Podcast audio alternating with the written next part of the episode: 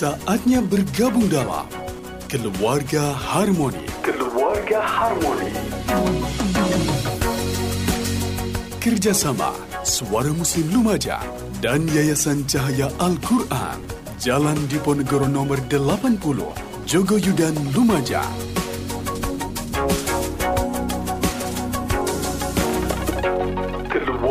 Harmoni. Bismillahirrahmanirrahim. Assalamualaikum warahmatullahi wabarakatuh. 89,9 Suara Muslim Lumajang Mitra Muslim. Alhamdulillah. Saya Kiki Rizkiani. Bisa menjumpai Anda kembali di pagi yang cerah gitu ya. Tapi nggak ada lanjutannya. Kalau lanjutannya anak TK kan pagiku cerahku itu lagu yang booming saat perpisahan nih bulan-bulan kemarin atau bulan sekarang juga masih ada yang menggelar perpisahan uh, sekolah mitra muslim dan rata-rata eh, nggak uh, lepas dari lagu ini. Tentunya semangat saya di pagi hari ini cukup full kalau misalkan baterai HP nih ya uh, udah 100% banget. Saya ini uh, senang sekali setiap hari Selasa bisa menemani Anda dalam program Keluarga Harmoni. Mitra Muslim, era ini adalah era di mana banyak sekali kita lihat gitu ya kerusakan moral gitu yang terjadi pada anak-anak Nah, ini pada anak, pada remaja seperti itu. Di sekitar kita juga ternyata masih banyak yang terjebak pada pergaulan bebas, perilaku amoral dan juga tindak kekerasan. Ini semua tentu tidak lepas dari kurangnya perhatian orang tua terhadap anak mereka seperti itu. Nah, di sini kita akan mendiskusikan bersama bagaimana sih kita sebagai orang tua ini bisa mengenali kesalahan anak itu apa aja dan apa yang perlu kita lakukan supaya anak tidak melakukan kesalahan bahan yang sama lagi. Jadi di keluarga harmoni masih awal bulan ya, masih tanggal muda juga mitra muslim. Kita akan berdiskusi bersama Dr. Alia Hidayati, spesialis THT bedah kepala dan leher sekaligus Direktur Yayasan Cahaya Al-Quran dan juga ada Ustadz Suharyo AP. Saya sapa dulu beliau berdua yang sudah hadir di studio Suara Muslim Lumajang. Assalamualaikum. Waalaikumsalam warahmatullahi wabarakatuh. Alhamdulillah. Nah ini yang mau ngebuka tema kita di pagi hari ini siapa dulu Bu Dokter atau Ustadz Suharyo? Bu Dokter aja. Bu Dokter hmm. aja. Silahkan Bu Dokter. Iya baik. Jadi uh, apa namanya mengenali kesalahan anak ya.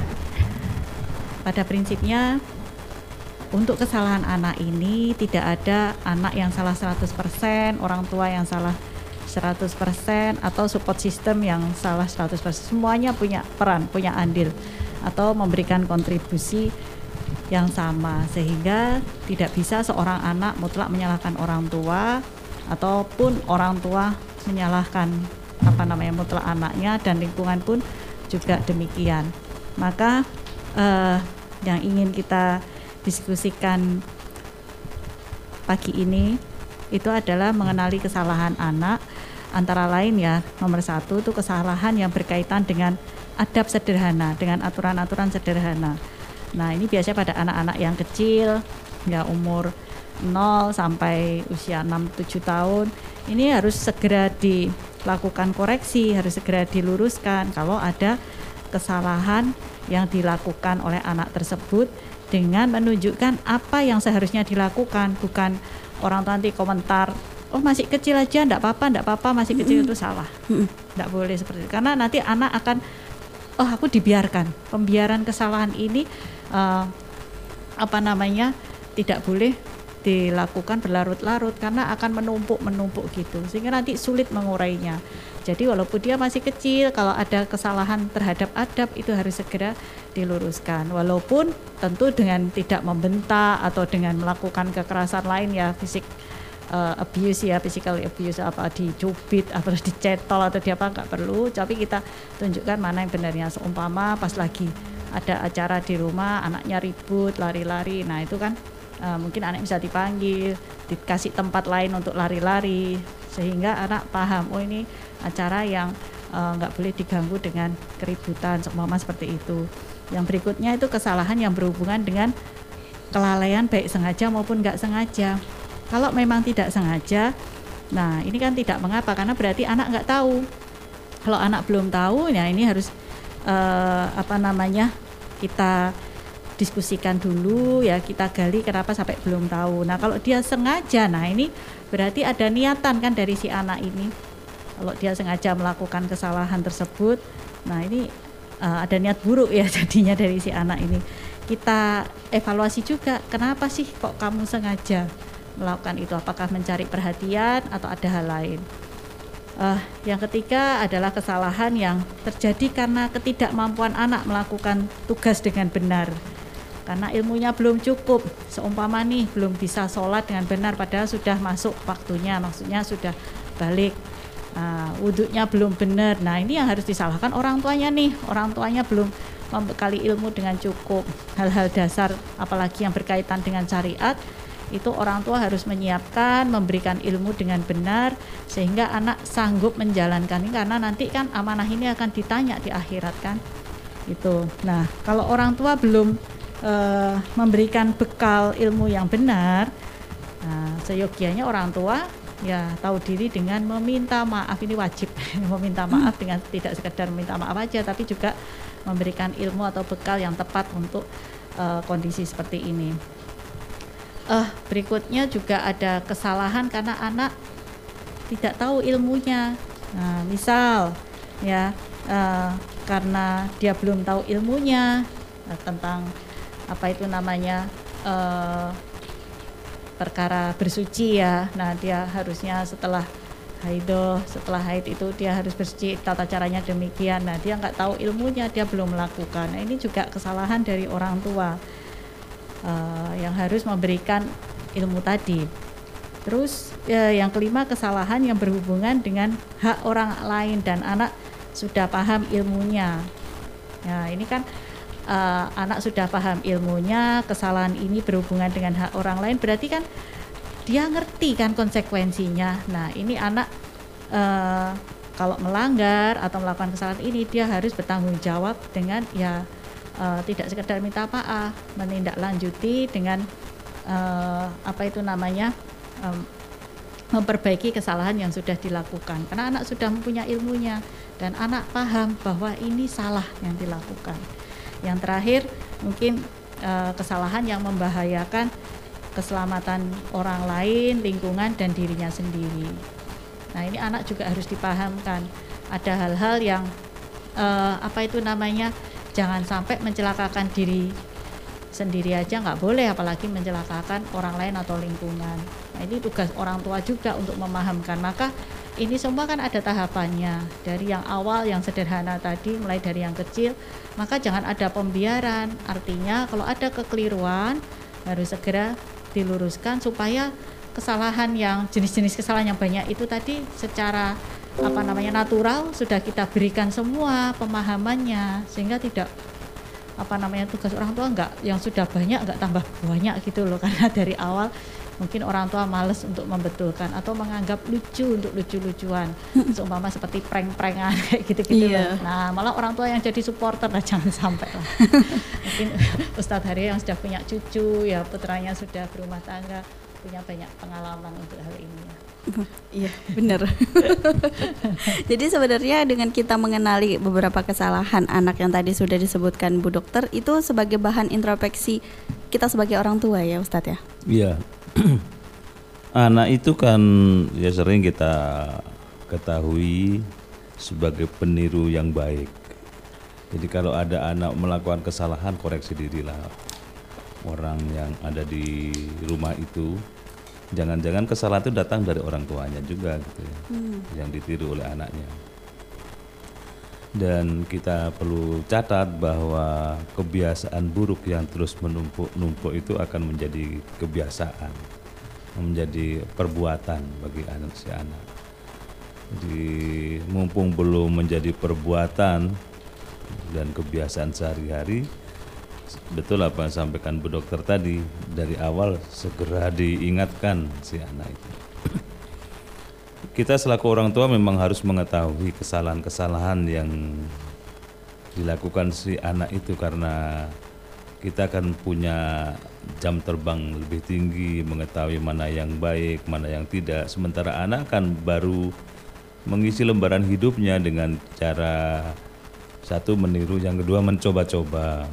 Apa ini boleh atau tidak itu anak itu kalau orang tua membiarkan sesuatu yang salah, anak menganggap itu benar.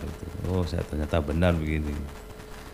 Ya, anak gak nggak tahu mencuri itu salah apa enggak. Itu kalau tidak diingatkan dari awal, dia merasakan ngambil punya orang yang tanpa izin itu benar adanya gitu. Tapi kalau orang tua mengingatkan, nak jangan begitu, harus pamit dulu, izin dulu kepada pemiliknya.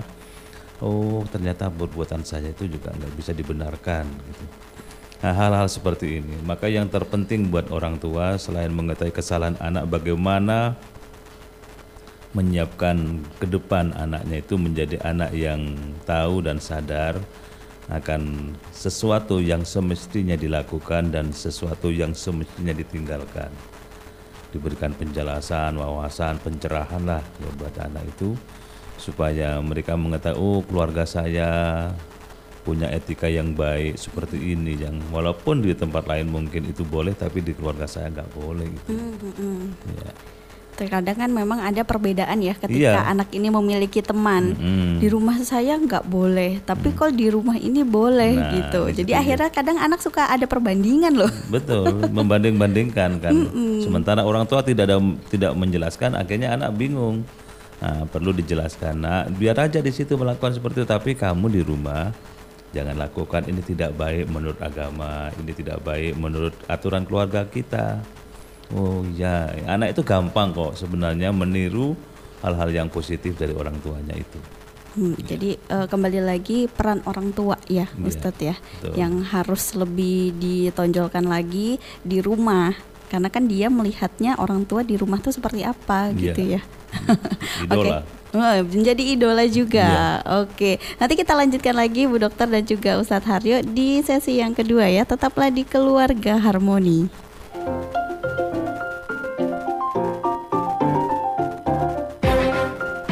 Anda masih bersama Keluarga Harmoni. Kerjasama Suara Muslim Lumajang dengan Yayasan Cahaya Al-Quran Jalan Diponegoro nomor 80 Jogoyudan Lumajang. Keluarga Harmoni segera kembali Kembali lagi Mitra Muslim di Keluarga Harmoni dan kita masih membahas tentang mengenali kesalahan anak tadi sudah banyak sekali ya uh, dijabarkan oleh Bu Dokter. Sebenarnya ini salah satu pertanyaan saya loh Bu Dokter. kesalahan apa yang sering dilakukan anak?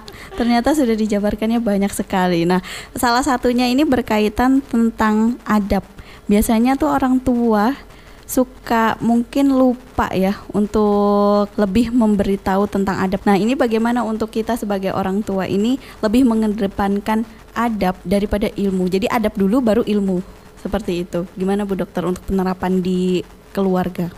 Iya baik. Jadi kan memang seperti tadi sudah dijelaskan uh, oleh Ustadz Suharyo bahwa uh, apa namanya anak-anak itu adalah peniru yang hmm. ulung maka kalau orang tua tidak ingin capek-capek menasihati anaknya, tentu uh, poin terpenting adalah orang tua harus memberikan contoh mau sengaja nggak sengaja sadar atau enggak ya secara otomatis memberikan contoh yang baik. Itu panduannya kan begitu. Nah contoh yang baik ya kita sudah punya panduannya semua dengan berkaca dari Nabi Muhammad SAW kan begitu. Guideline-nya uh, dari Quran dan hadis sudah jelas maka ya apa namanya orang tua itu harus istiqomah walaupun capek walaupun bosen udah nyontoin baik anaknya kadang-kadang masih masih kadang meler gitu ya kadang hmm. agak-agak hmm. agak jahil gitu ya orang tua harus tetap konsisten harus tetap ya uh, mau se jahil-jahilnya anak ya orang tua harus tetap nyontoin yang benar gitu Nah, uh, jangan sampai orang tua melakukan standar ganda ke anak ngelarang melulu atau uh, mengkritik terus, tapi orang tuanya berlaku sebaliknya. Atau ada uh, perlakuan yang membedakan antara anak satu dengan yang lain. Yang satu mungkin cenderung secara sadar atau nggak sadar dibelain terus. Satunya cenderung dikritik terus. Nah ini kan tidak imbang. Nanti menimbulkan sibling ya uh, kecemburuan antar saudara kandungnya itu nanti juga uh, berakibat hal yang tidak baik ya. Uh, maka dari itu sebagai orang tua itu tidak mudah, tidak ada sekolahnya, tapi tiba-tiba jadi orang tua kan kaget-kaget ya. Tiba-tiba ada anaknya, tiba-tiba anaknya sudah sekolah kan gitu. Tiba-tiba anaknya sudah selesai sekolah, sudah rumah tangga. Nah, pada orang tua tugasnya harus mengawal terus dengan memberikan nasihat, ya eh, apa namanya, memberikan saran, ya hal-hal yang memang dikuasai oleh orang tua Adapun hal-hal yang nggak dikuasai orang tua, tugas orang tua adalah memberikan uh, konsultasi atau mencarikan pakar yang lebih ahli dalam hal ini. Jadi jangan semua karena merasa lebih tua, oh, aku lebih pengalaman nak, nah, gitu kan. itu enggak banget ya. Kadang orang tua juga lupa uh, kalimat seperti ini nanti juga anak secara tidak langsung akan mengcopy, akan memberikannya demikian juga ke anaknya. Nah ini kan jadi apa tidak selesai-selesai yang bulat terus seperti itu. Uh, maka jadi uh, anak harus bisa um, meluruskan orang tua kalau ada hal-hal yang menyimpang dengan cara yang berhikmah dengan cara yang baik. Demikian juga orang tua bukan mentang-mentang lebih tua kemudian berlaku uh, yang tidak apa namanya tidak sesuai aturan. Jangan pakai prinsip belum butuh ya sudah diberikan seperti dikasih uh, supaya status sosial orang tua naik. Zaman mm -hmm. sekarang begitu, mm -hmm. belum butuh HP, belum butuh sepeda, motor atau yang lain benda-benda yang sifatnya seperti itu, tapi bisa untuk ajang pamer. HP pun bukan sekedar HP yang biasa yang biasa, biasa yang sesia, mm -hmm. yang last update lah. Nah, yang last release atau new arrival atau seperti itu. Nah, orang tua harus melihat apakah ini perlu atau ini ingin hanya sekedar keinginan ya keinginan siapa keinginan anak atau keinginan orang tua nah ini kan harus uh, konsisten jangan pas anak ingin uh, dilarang-larang tapi pas orang tuanya ya supaya pansos supaya yang hmm. lain-lain nah, jangan pakai prinsip biar tekor asal kesohor lo ya nanti pahit nanti itu susah itu Oke, okay. nah kalau misalkan uh, anak mengkritik orang tua itu sebuah kesalahan bagi anak atau enggak nih Ustaz? Kadang ada baiknya. Hmm. Contoh begini ya, ada bapak yang tidak pernah sholat jamaah, hmm. nah, tiba-tiba anaknya ya ya kata bu guru kalau ayah jadi imam itu pahalanya besar. Itu kan kritikan. Kadang-kadang itu menjadi sumber hidayah. Oh iya ya anak saya sudah ngerti. Bapaknya tersadar dan sejak itu kemudian menjadi orang baik menjadi imam tetap di rumah. Ini kan kritikan yang dilakukan oleh anak anak itu kalau ngeritik tanpa ada emosi biasanya ya, ya apa yang dia lihat dia katakan orang tua aja yang kadang-kadang melibatkan maka ada beberapa hal penting. Pertama, kalau kita selaku orang tua melihat kesalahan anak, jangan menghukumnya di saat kita emosi. Hmm. Nah, itu akan wah panjang masalahnya kayaknya. Hmm. Kecampuran itu campur aduk antara ingin meluruskan dengan emosi orang tua atas hmm. nama jabatan sebagai orang, orang tua. tua. Hmm. Ya, wih hebat ya. Tapi kan biasanya anak tuh uh, apa bukan kritikan yang menurut kita orang tua tuh kadang bukan baik tapi itu dia itu kayak protes akhirnya dia sampai sampai kayak mungkin kesel juga gitu sama hmm. orang tua ya dilihat lagi itu anaknya siapa sih gitu Iya. iya kan anak karena anak sendiri. Mm Kalimat yang keluar itu jangan-jangan juga dari orang tuanya gitu ya. Mm. Jadi kritiknya itu ditanggapi secara positif saja supaya kita nggak larut wah anak saya sudah cerdas sekarang ya bisa ingatkan saya besok ini kalau jadi orang bagus ini ini kan positif hmm. ya memang sekadang berpikir begini dulu ketika saya masih kecil itu lihat di keluarga saya itu orang tua tuh kurang banget kurang kalau itu zaman feodal itu masih tersisa gitu jadi kalau ada anak protes jangan protes mohon saya bu ya kalau misalnya ada anak buang angin kedengaran orang tua itu langsung dimarahi bahkan kadang fisik hmm kadang apa yang ada di depannya dihantamkan, ada asbak dihantamkan. Tapi anak menjadi hati-hati. Nah, seiring dengan perjalanan waktu sekarang ini orangnya kan demokratis ya.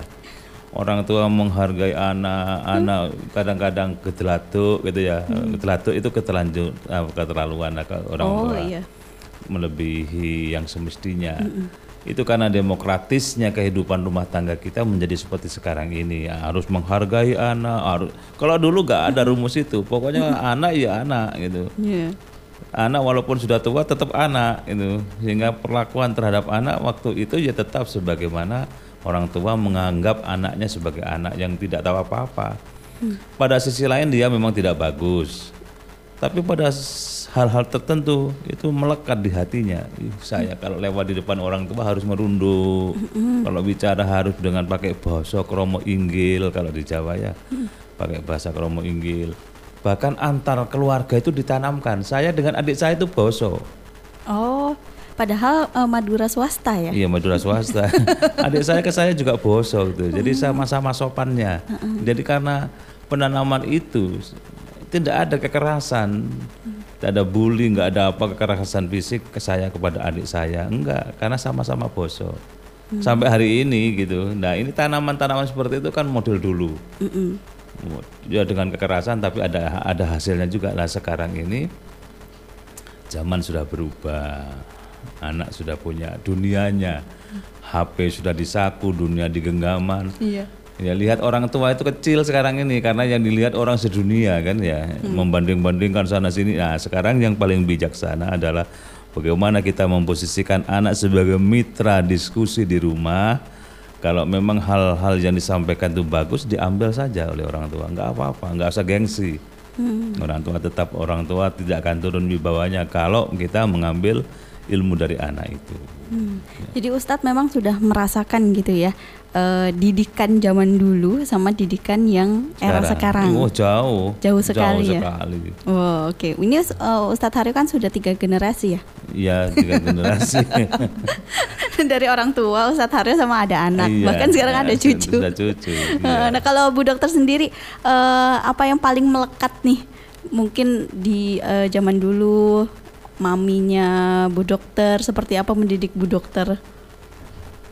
Eh, kalau saya lebih ke kalau mami itu lebih diskusi, kalau papi yang lebih mendidik ya. Jadi eh, dulu waktu saya masih usia dasar, masih sekolah dasar gitu, eh, SM, sampai awal SMA, eh, papi sering ini sih apa itu namanya menyuruh saya untuk mempelajari eh, banyak-banyak verb atau kosakata dari Al-Quran karena itu nanti yang paling bagusnya berbahasa lewat situ. Oh, Allah. Jadi sering men- apa namanya menekankan karena dulu juga ada waktu SD ada pelajaran bahasa Arab seperti itu kan. Nah itu diajarin ya dibukain Quran, dibukain tafsir. Nah bahasanya sering disuruh sering baca, nggak usah paham, pokoknya sering baca. Nah sering baca dengan itu nanti bahasanya biar nggak berantakan gitu loh, Hmm. ya begitu. Eh, kemudian berikutnya kalau manggil orang, ya itu nggak boleh dari jauh teriaknya nggak boleh Oh iya. harus dideketin ya dideketin apa eh, baru bilang nggak boleh teriak-teriak walaupun itu sama yang lebih muda tapi harus dideketin. Jadi caranya manggil nggak diteriakin nggak boleh. Eh, kemudian kalau jalan ya hal-hal sederhana kalau di rumah kalau jalan jalan yang kita lalui kalau nemu sampah harus dipungut. Nggak boleh dilaluin walaupun itu bukan sampah yang buang kita harus dipungut gitu. Jadi eh ini hal-hal sederhana seperti itu. Kalau makan, nah, diingat kalau makan, kadang kan makan kita duluan karena ada keperluan yang lain dulu.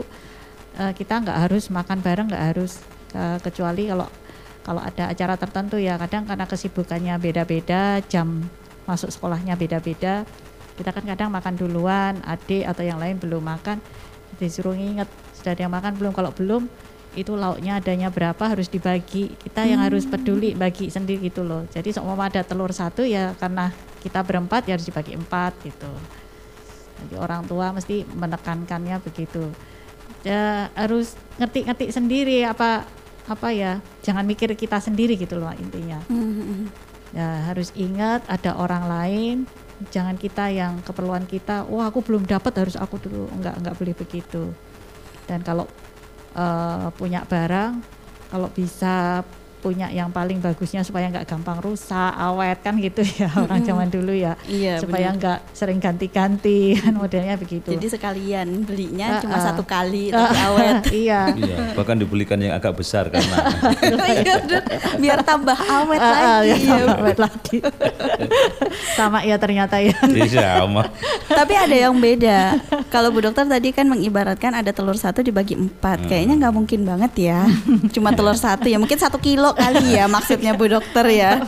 dibagi orang empat. Jadi kan lumayan tuh tiga bijian. Enggak gitu. Jadi memang soalnya kalau apa namanya orang tua kalau pergi arisan atau pengajian bawa kotakan kan kadang ya Oh, ada iya. snack atau apa itu sama entah itu isinya apa masing-masing seumpama ada kue ada tiga macam tiga macamnya itu semua dibagi empat harus rata gitu jadi Iya, iya. dapatnya nah itu jauh lebih apa ya kita makannya itu jauh lebih berharga daripada langsung dikasih setumpuk gitu ya Mm-mm. jadi kita menghargai banget bahwa itu didapat dengan dengan usaha ya karena ikut acara ikut apa gitu loh nggak karena kita mampu asal beli seperti itu Padahal dulu nggak ada silet loh ya, nggak bisa memotong telur jadi empat itu kan. pakai benang Ustaz Oh pakai benang. iya pakai benang Luar biasa. Jadi, ya, pakai luar benang biasa, iya ya. jadi Iya iya iya iya.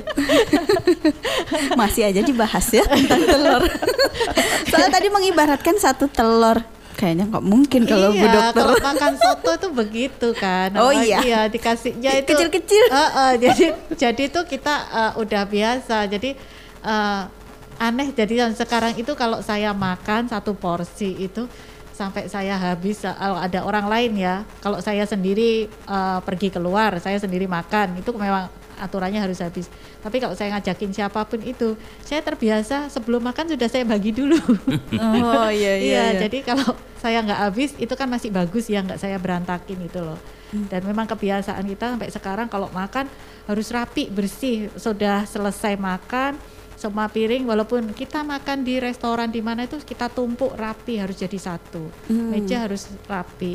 Mm-mm. Jadi nggak nggak boleh makan uh, uh, uh, kita gigit kerupuk kadang kan remah-remahnya berantakan Iya. itu kita gimana ya ya agak-agak annoying gitu ya kok gini kok berantakan gitu loh lulus ujian table manner. lulus Bu Dokter. Kalau Ustadz mungkin kalau kita mah bungkusan gitu ya Ustadz ya Iya. bungkusan ya udah tinggal masukin tempat sampah gitu ya. Iya sih. Oke nanti kita lanjutin lagi diskusi kita siang hari ini dan saya juga mengajak anda eh, bergabung ya di 0811 3400 899.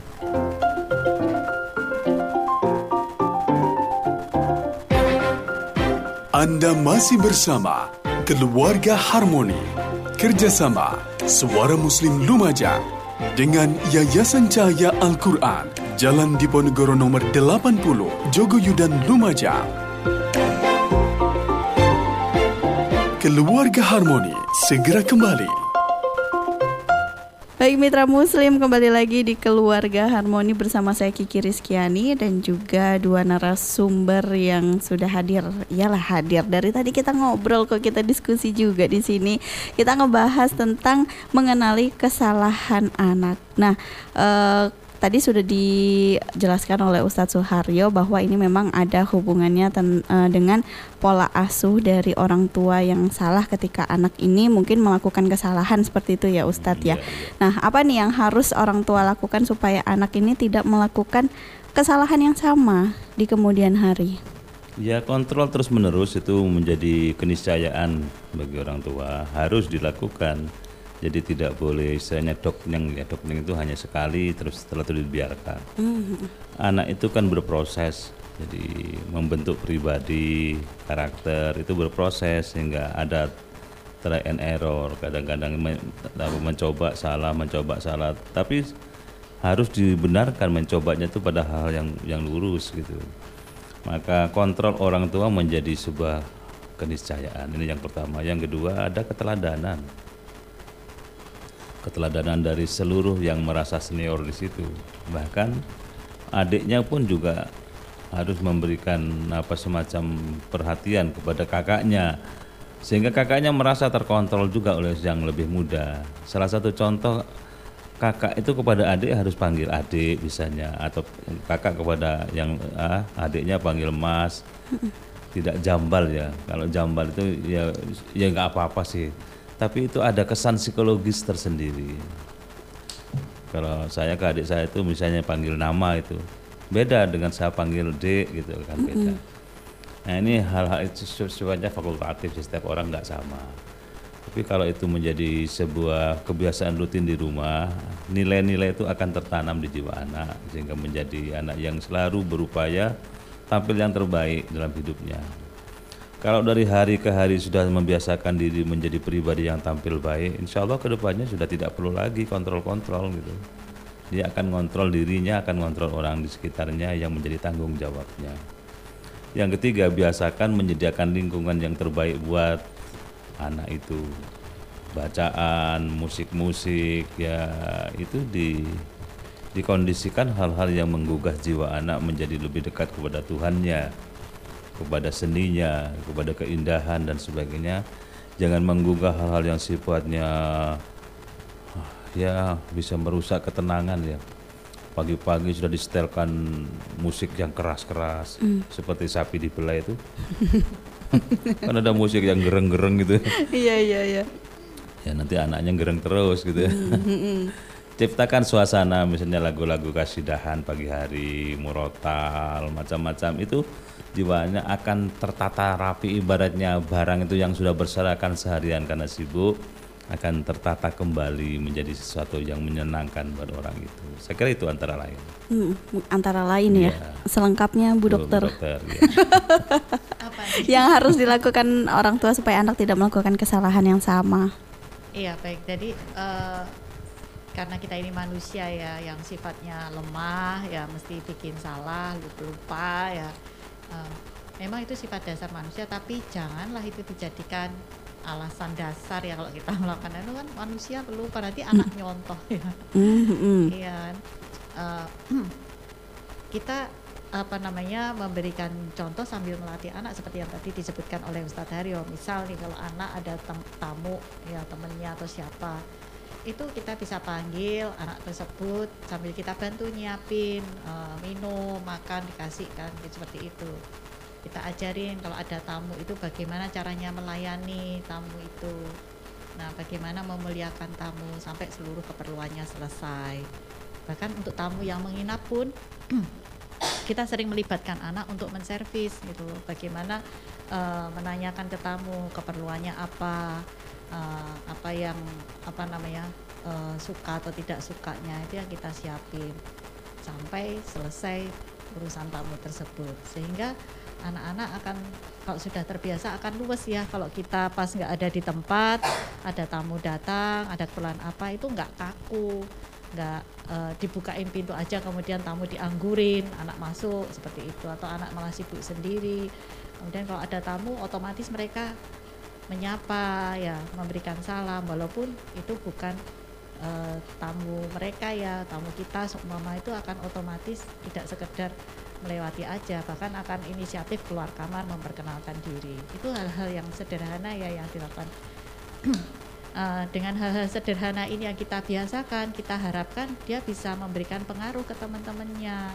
Bagaimana cara berempati dan menghormati orang yang lebih tua atau yang sebaya nah, sepanjang itu apa namanya dalam batas kewajaran diatur syariat tidak melanggar itu akan membuat orang lain tertarik. Ya kok bisa ya tanpa disuruh sudah memberikan minum.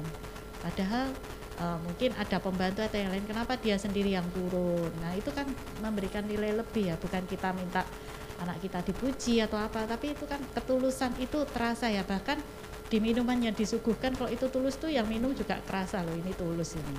Bukan sekedar oh barangnya yang disuguhkan ini mewah atau hmm. mahal atau apa tapi kalau nggak tulus rasanya itu nggak hangat di hati itu hmm.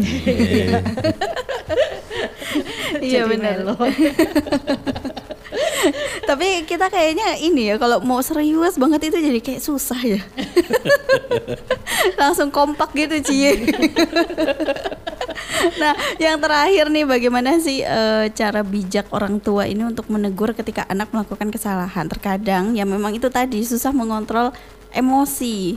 Jadi kalau misalkan anak melakukan kesalahan saat itu juga itu langsung diomelin. Apalagi kalau eh, kayak numpahin, mecahin, itu kan biasanya langsung Kleng gitu ya. iya langsung "Hmm," gitu. Gimana nih Ustadz dulu atau Bu Oh, Dokter Ustadz dulu? lah. Iya. Oh. Kalau anak misalnya mecahin gelas ya, pure gitu, terus orang tua reaktif, Mm-mm. apa gelasnya kemudian balik lagi? Enggak sih. Ya enggak. Buat apa kita marah-marah?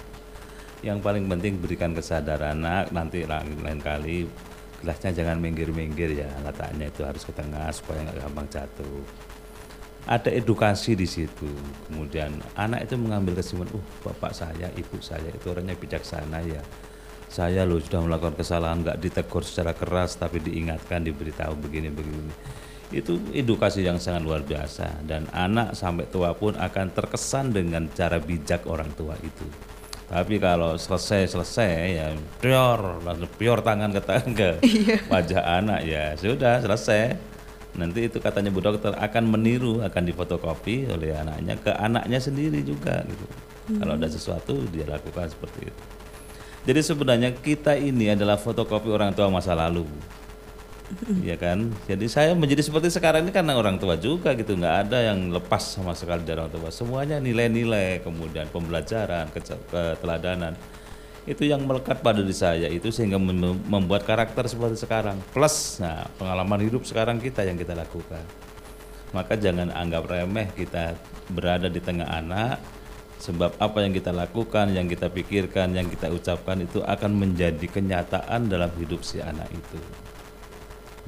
Hmm. Gitu. Berarti nggak boleh langsung gitu ya? Iya, Nggak reaktif boleh ya. reaktif Iya, gitu ya? betul, betul. Meskipun gitu. iya, hmm saja enggak apa-apa. Iya. iya kan ada nasihat begini, kalau kita akan berucap itu ibarat makan sesuatu, kunyah dulu.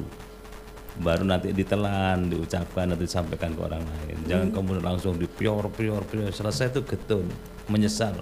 Kenapa ya saya kok marah-marah tadi? Mestinya saya tahan sebentar saja, kan nggak sampai marah. Dengan marah saya itu gelas yang satu, yang tadinya cuma satu, yang pecah menjadi dua. Gitu. Ikut ikutan soalnya. nah ini gimana dari Bu Dokter ini? Kayaknya sabar banget kalau Bu Dokter ya. Ngeledek. Oh enggak, kenyataan.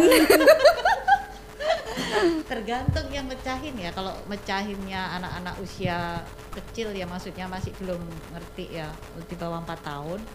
Kalau kita ya langsung harus respon ya dis- anak harus disingkirkan dulu kan. Karena itu kan hmm, eh, termasuk barang bahaya ya.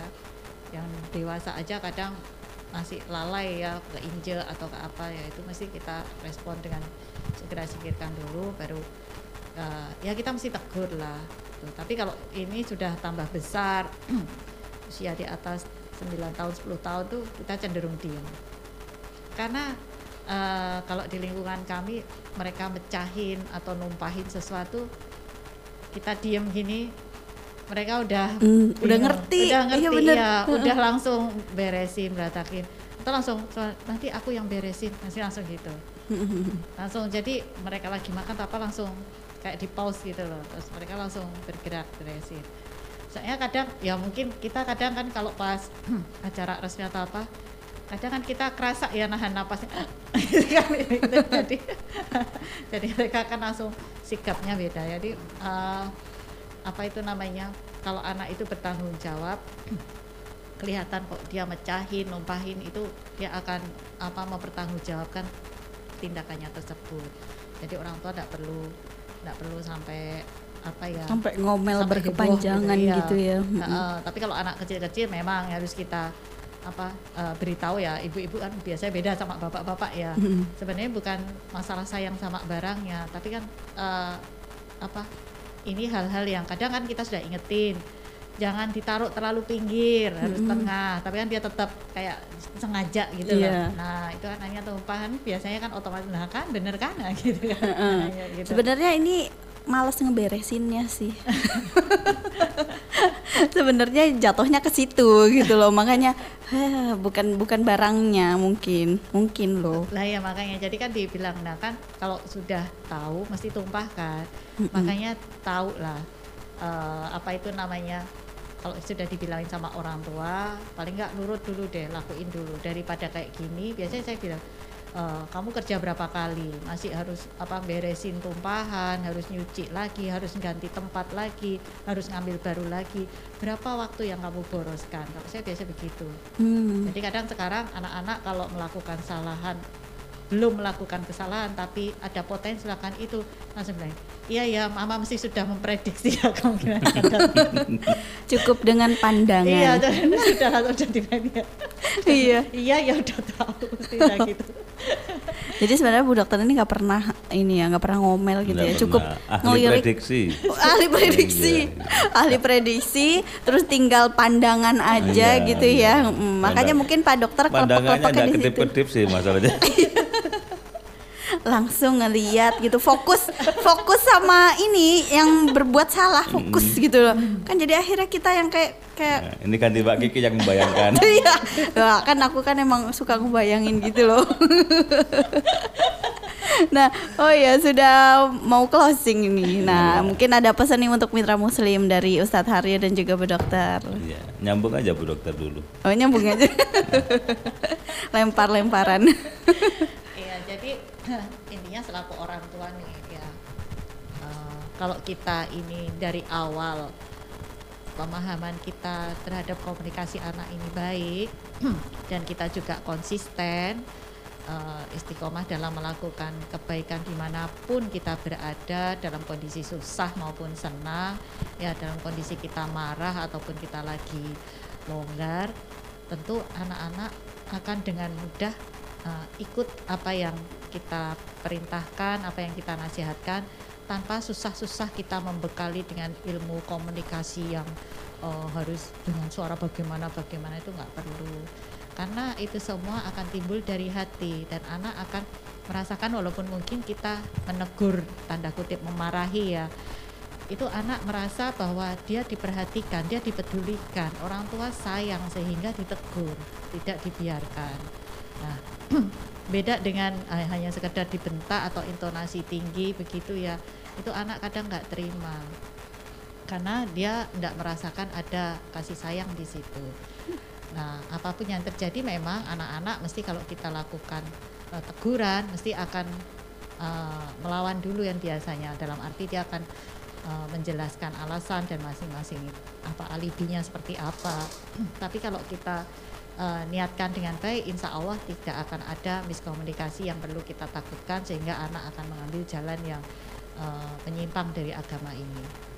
Yang penting tumbuhkan rasa cinta anak pada hal-hal yang baik ini, ya sehingga tanpa kita suruh atau kita minta otomatis dia akan karena cinta ya dia akan otomatis melakukan hal yang baik tersebut.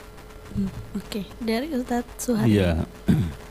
Peluklah anak dengan kasih sayang dan biasakan melihat sesuatu di rumah itu dan ambil makna di dalamnya. Contoh begini, buka jendela, kemudian beritahu nak duniamu itu bukan hanya kamar ini, tapi besok itu loh yang luas itu. Besok kamu akan menghadapi dunia yang luas seperti yang kamu lihat dari jendela ini. Anak mikir, oh iya ya, banyak tugas tanggung jawab yang akan saya hadapi. Ajak ke kalender misalnya, usiamu setiap hari tambah nak, kamu sudah semakin dewasa, semakin besar. Siap-siaplah kamu menghadapi kehidupan. Dan sebagainya banyak pelajaran yang bisa kita sadarkan kepada anak itu supaya dirinya bangkit ya dari kehidupan rutinitas di rumah itu. Dia bukan sekedar warga-warga yang warga keluarga yang ada di situ tetapi menjadi warga dari kehidupan ini yang semestinya yang lebih luas lagi banyak tantangan dan harapan. Kalau anak sudah menyadari tentang eksistensi dirinya, insya Allah dia akan siap-siap menghadapi masa depan yang lebih cerah, lebih baik dengan modal yang kesabaran, kesungguhan, dengan ilmu dan sebagainya. Itu kesimpulan saya. Kesimpulannya di siang hari ini. Iya. Terima kasih banyak Ustadz Suharyo dan iya, juga Bu Dokter atas kedatangannya. Insya Allah pekan depan nggak ada agenda lagi ya supaya kita bisa live. Oke, terima kasih banyak Ustadz Suharyo dan juga Bu Dokter. Assalamualaikum. Waalaikumsalam warahmatullahi wabarakatuh. Baik mitra muslim, tetap sudah kebersamaan kita dalam program Keluarga Harmoni. Memang sih ya anak ini sering banget melakukan kesalahan bahkan yang menurut kita atau dia itu melakukan hal-hal yang terkesan sepele. Tapi kesalahan itu tentunya memang harus dipahami oleh si anak sehingga tidak diulang di masa depan dan itu adalah tugas kita sebagai orang tua. Akhirnya saya Kiki Rizkiani pamit undur diri. Terima kasih telah mendengarkan. Subhanakallah Allahumma wa bihamdika nasyhadu alla ilaha illa anta nastaghfiruka wa natubu ilaik. Maha suci Engkau ya Allah dan dengan memujimu kami bersaksi tiada Tuhan yang berhak diibadahi selain Engkau. Kami memohon ampun dan bertobat kepadamu. Wassalamualaikum warahmatullahi wabarakatuh.